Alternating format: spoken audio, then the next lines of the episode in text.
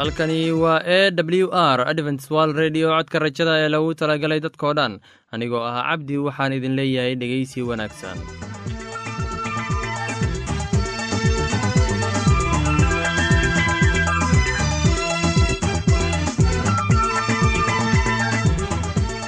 Barnaamijyadeena maanta waa laba qaybood. Qaybta kuwaad waxaad ku maqli doontaan barnaamijka nolosha qoyska. Kadib waxaa inoo raaci doonaa cashar inaga yimid bugga nolosha ee dhegeysi wacan kulanti wacan dhegaystayaal kuna soo dhowaada barnaamijkeenii nolosha qoyska oo aad xiliyadan oo kale aad hawada inaga dhegaysan jirteen. Mowduucina maanta wuxuu ku saabsan yahay waxyeelaynta haweenka anigoo ah cabdi waxaan idin leeyahay dhegaysi wacan dhammaantiinba.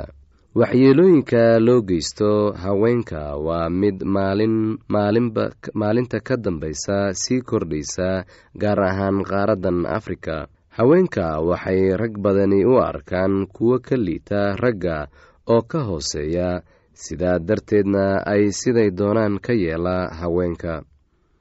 Haween badan ayaan la ogeyn dhibka haysta ama iska qarsada dhibkooda oo aan cidna u sheegin waxa soo gaaray.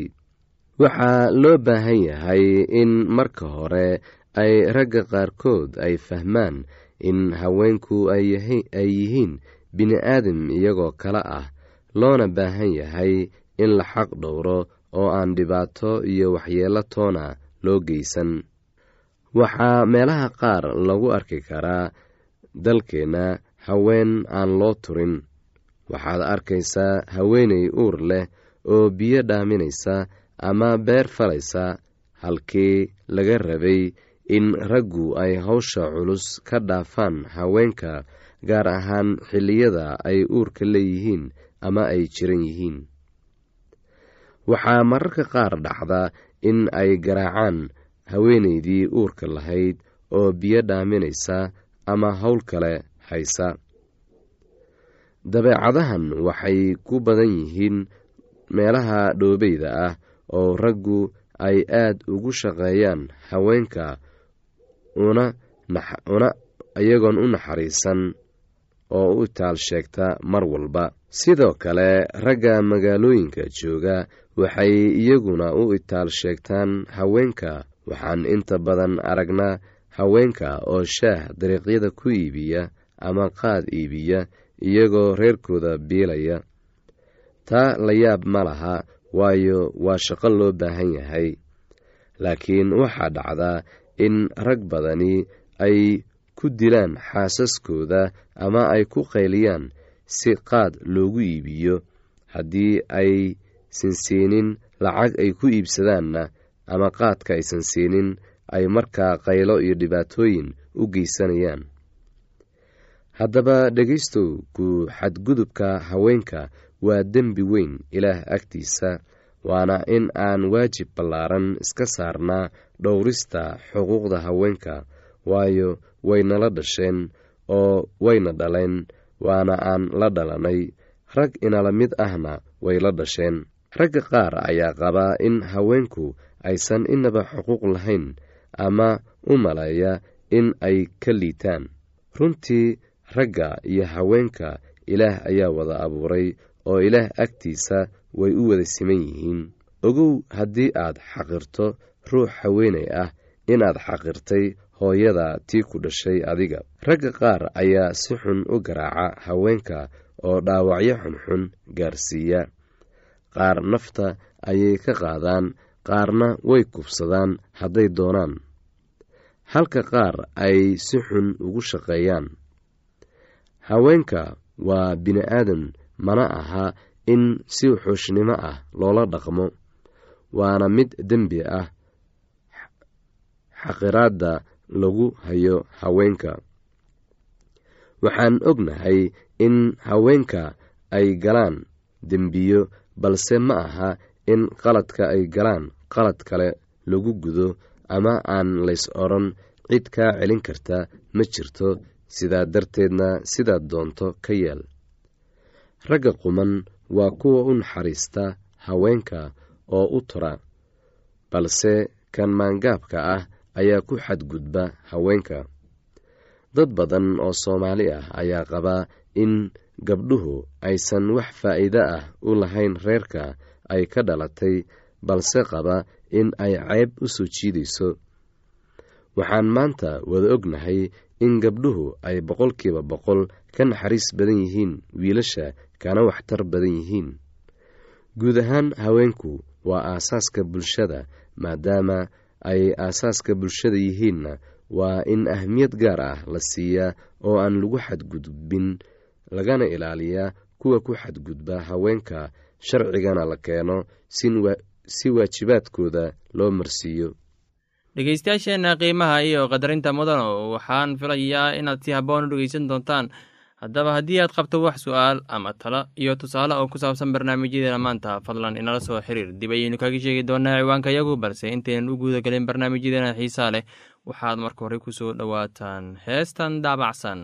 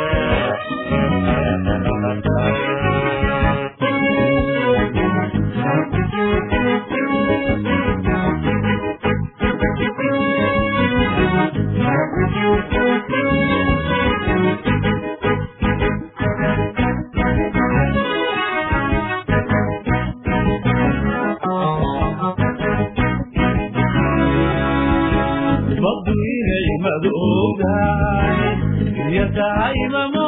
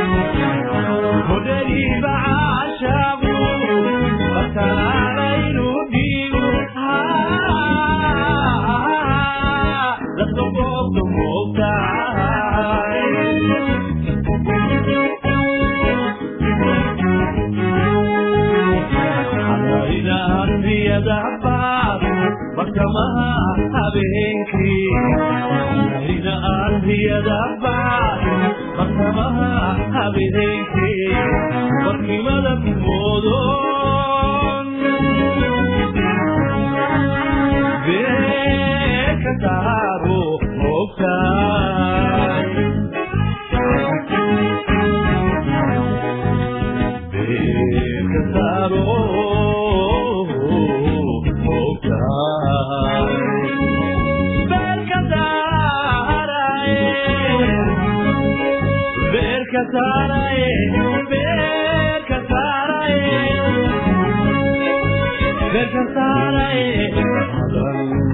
ugaa adahana ugaa adahana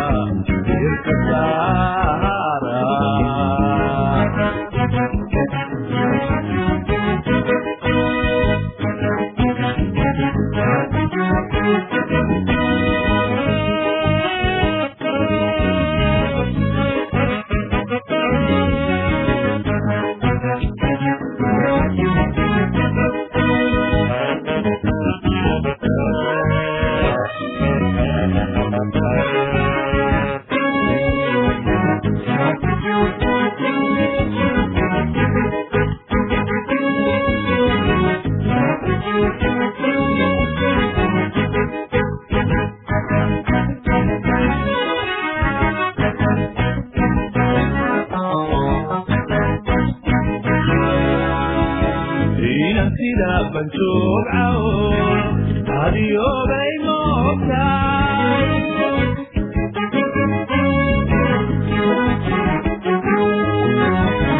dalkayga waaya kalgacayl bariinteeday inuu kuna moogtaay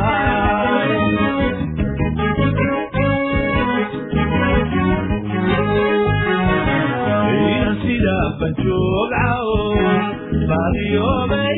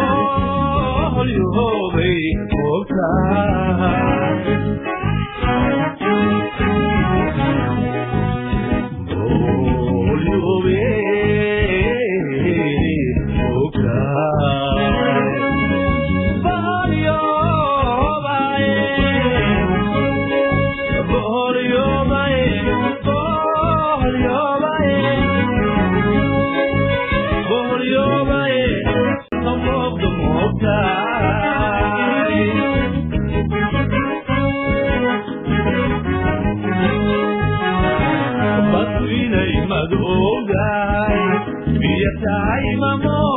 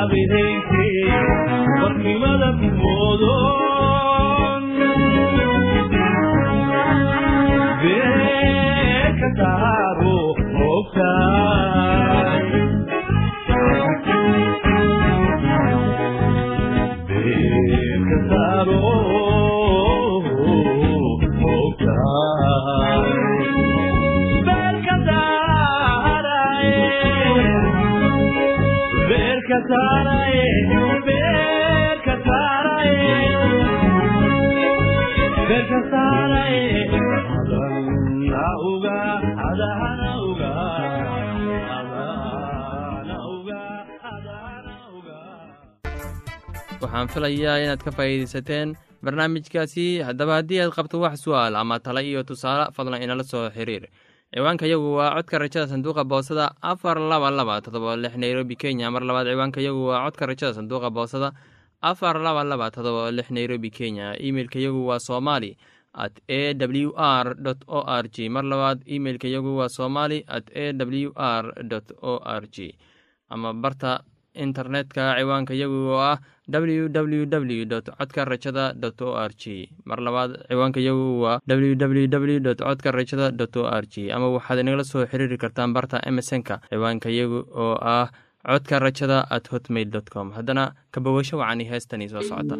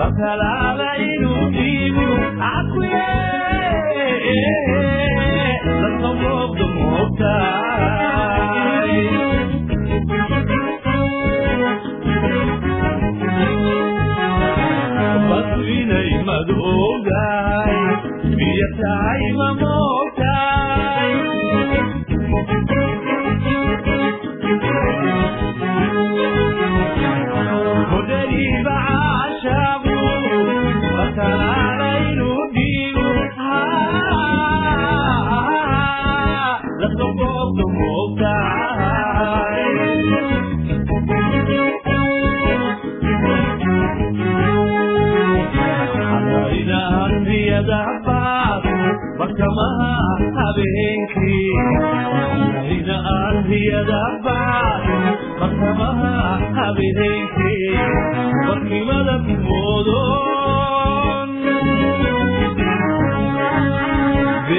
beekataa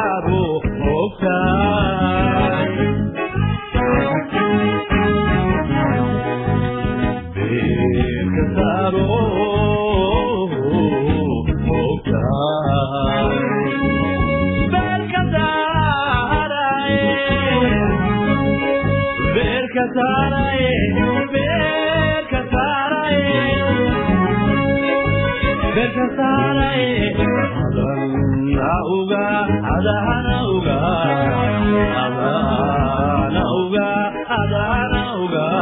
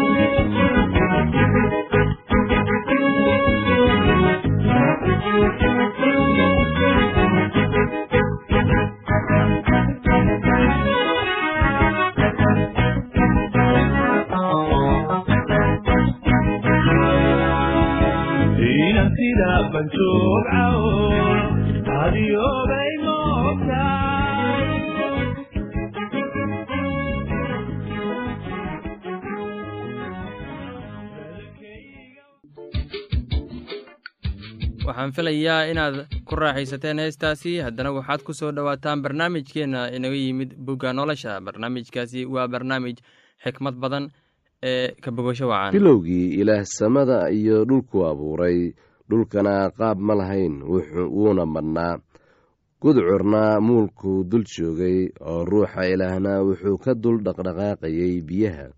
Ilaahna wuxuu yidhi iftiin ha ahaado iftiin baana ahaaday. Ilaahna wuxuu arkay iftiinkii inuu wanaagsan yahay. Ilaahna iftiinkii ayuu ka soocay gudcurkii ilaahna iftiinkii wuxuu u bixiyey maalin gudcurkiina wuxuu u bixiyey habeen waxaana jiray fiid iyo subax isla maalin ah. Ilaahna wuxuu yidhi meel bannaani ha noqoto biyaha dhexdooda oo iyadu biyaha ha ka soocdo biyaha. Markaasuu ilaah sameeyey meeshii bannaanka ahayd oo wuxuu biyihii bannaanka ka hooseeyey ka soocay kuwii bannaanka ka sarreeyey. Sidaasayna ahaatay ilaahna bannaankii wuxuu u bixiyey samo waxaana jiray fiid iyo subax maalintii labaad. Ilaahna wuxuu yidhi biyaha samada ka hooseeya meel ha isugu soo urureen oo ciidda engegani ha muuqato sidaasayna ahaatay. Markaasuu ilaah ciidda engegnayd u bixiyey dhul ururkii biyahana wuxuu u bixiyey bado oo ilaah wuxuu arkay intaasu wanaagsan tahay. Ilaahna wuxuu yidhi dhulka ha soo bixiyo doog iyo geedo yaryar oo iniino dhala iyo geedo waaweyn oo midho caynkooda ah dhala oo inanahoodana ku dhex jiraan oo dhulka ku kor yaal sidaasayna ahaatay. Dhulkiina wuxuu soo bixiyey doog iyo geedo yaryar oo leh inino caynkooda ah iyo geedo waaweyn oo midho dhala oo inanahooda ku dhex jiraan iyagoo caynkooda ah. Ilaahna wuxuu arkay intaasu wanaagsan tahay waxaana jiray fiid iyo subax maalintii saddexaad. Ilaahna wuxuu yidhi iftiimo ha ahaadeen meesha bannaan oo samada dhex ah si ay u kala soocaan maalinta iyo habeenka oo ha u ahaadeen calaamooyin iyo xiliyo iyo maalmo iyo sannado oo iftiimo ha u noqdeen meeshii bannaanayd oo samada dhex ahayd si ay u iftiimiyaan dhulka dushiisa sidaasayna ahaatay oo ilaah wuxuu sameeyey laba iftiin oo waaweyn si uu iftiinka weyn u xukumo maalinta. Iftiinka yaruna u xukumo habeenka oo xidigahana wuu sameeyey. Ilaahna wuxuu iyaga dhigay meeshii bannaanayd oo samada dhex ahayd si ay dhulka u iftiimiyaan oo ay u xukumaan maalinta iyo habeenka oo ay iftiin uga soocaan gudcurka ilaahna wuxuu arkay intaasu wanaagsan tahay oo waxaana jiray fiid iyo subax maalintii afraad oo ilaah wuxuu yidhi biyuhu ha u soo bixiyeen uun dhaqdhaqaaqa oo badan oo naf nool leh. Hadduna ha duusho dhulka dushiisa xagga meeshii bannaanayd oo samada dhex ahayd. Oo ilaah wuxuu abuuray nibiryada badda oo waaweyn iyo uun kasta oo nool oo dhaqdhaqaaqa ee biyuhu aad u bixiyeen iyagoo badan oo caynkooda oo kala dhala iyo haad kasta oo caynkiisa dhala. Ilaahna wuxuu arkay intaasu wanaagsan tahay oo ilaah baa barakadeeyey iyaga isagoo leh wax badan dhala oo tarma oo biyaha badda ka buuxsama haaduna ha ku tarmeen dhulka oo waxaana jiray fiid iyo subax maalintii shanaad. Oo ilaah wuxuu yidhi dhulku ha soo bixiyo uun nool oo caynkiisa dhala kuwaasoo ah xoola iyo waxa gurguurta iyo dugaagga dhulka oo caynkooda dhala. Sidaasayna ahaatay. Ilaahna wuxuu sameeyey dugaagga dhulka oo caynkiisa dhala iyo xoolo caynkooda dhala iyo wax kasta oo dhulka gurguurta oo caynkiisa dhala. Ilaahna wuxuu arkay intaasu wanaagsan tahay. Ilaahna wuxuu yidhi aan nin inoo eg ka samayno araggeenna oo iyagu ha xukumeen kalluunka badda iyo haadda hawada iyo xoolaha iyo dhulka oo dhan iyo waxa dhulka gurguurta oo dhan oo ilaah nin buu ka abuuray araggiisa ilaah araggiisa ayuu ka abuuray isaga lab iyo dhadig ayuu abuuray oo ilaah baa barakadeeyey iyaga oo ilaah wuxuu iyaga ku yidhi wax badan dhala oo tarma oo dhulka ka buuxsama oo ka sara mara dhulka xukuma kulunka badda iyo haadda hawada iyo wax kasta oo nool oo dhulka kor dhaqdhaqaaqa oo ilaah wuxuu yidhi bal eeg waxaan idin siiyey geed kasta oo yar oo inina dhala oo ku yaal dhulka dushiisa oo dhan iyo geed kasta oo weyn kaasoo midho leh oo inino dhala oo waxay idiin noqon doonaan cunto oo dugaag kasta oo dhulka jooga iyo haad kasta oo hawada duusha iyo wax kasta oo dhulka gurguurta oo naf nool leh ayaan geed kasta oo cagaar ah cunto u siiyey. Sidaasayna ahaatay. Oo ilaah wuxuu arkay wax kasta oo uu sameeyey oo bal eeg aad bay u wanaagsanaayeen. Waxaana jiray fiid iyo subax maalintii lixaad. Heestaasi iyo casharka buugga nolosha ayaanu ku soo gabgabayneynaa barnaamijyadeena maanta. Halkaad inaga dhegeysanaysaan waa laanta afka soomaaliga ee codka rajada ee lagu talagalay dadka oo dhan. Haddaba haddii aad doonayso inaad wax ka faa'iidaysataan barnaamijyadeena sida barnaamijka caafimaadka barnaamijka nolosha qoyska iyo barnaamijka kitaabka quduuska fadlan inala soo xiriir. Ciwaanka yagu waa codka rajada sanduuqa boosada afar laba laba todoba lix nairobi kenya. Mar labaad ciwaanka yagu waa codka rajada sanduuqa boosada afar laba laba todoba lix nairobi kenya. Emeilka yagu waa somali at a w r o r g mar labaad imeilka yagu waa somali at a w r o r g ama emesonka oo ah codka rajada at hotmail dot com. Mar labaad emesonka yagu waa codka rajada at hotmail dot com. Ama barta internetka ayaad ka akhrisan kartaan barnaamijyadeena iyo ka maqasha sida ww w dot codka rajada dot o r g dhegeystayaasheena qiimaha iyo qadarinta mudan oo barnaamijyadeena maanta waa naga intaas. Tan iyo intaynu hawada dib ugu kulmayno waxaan idin leeyahay sidaas iyo ammaano allah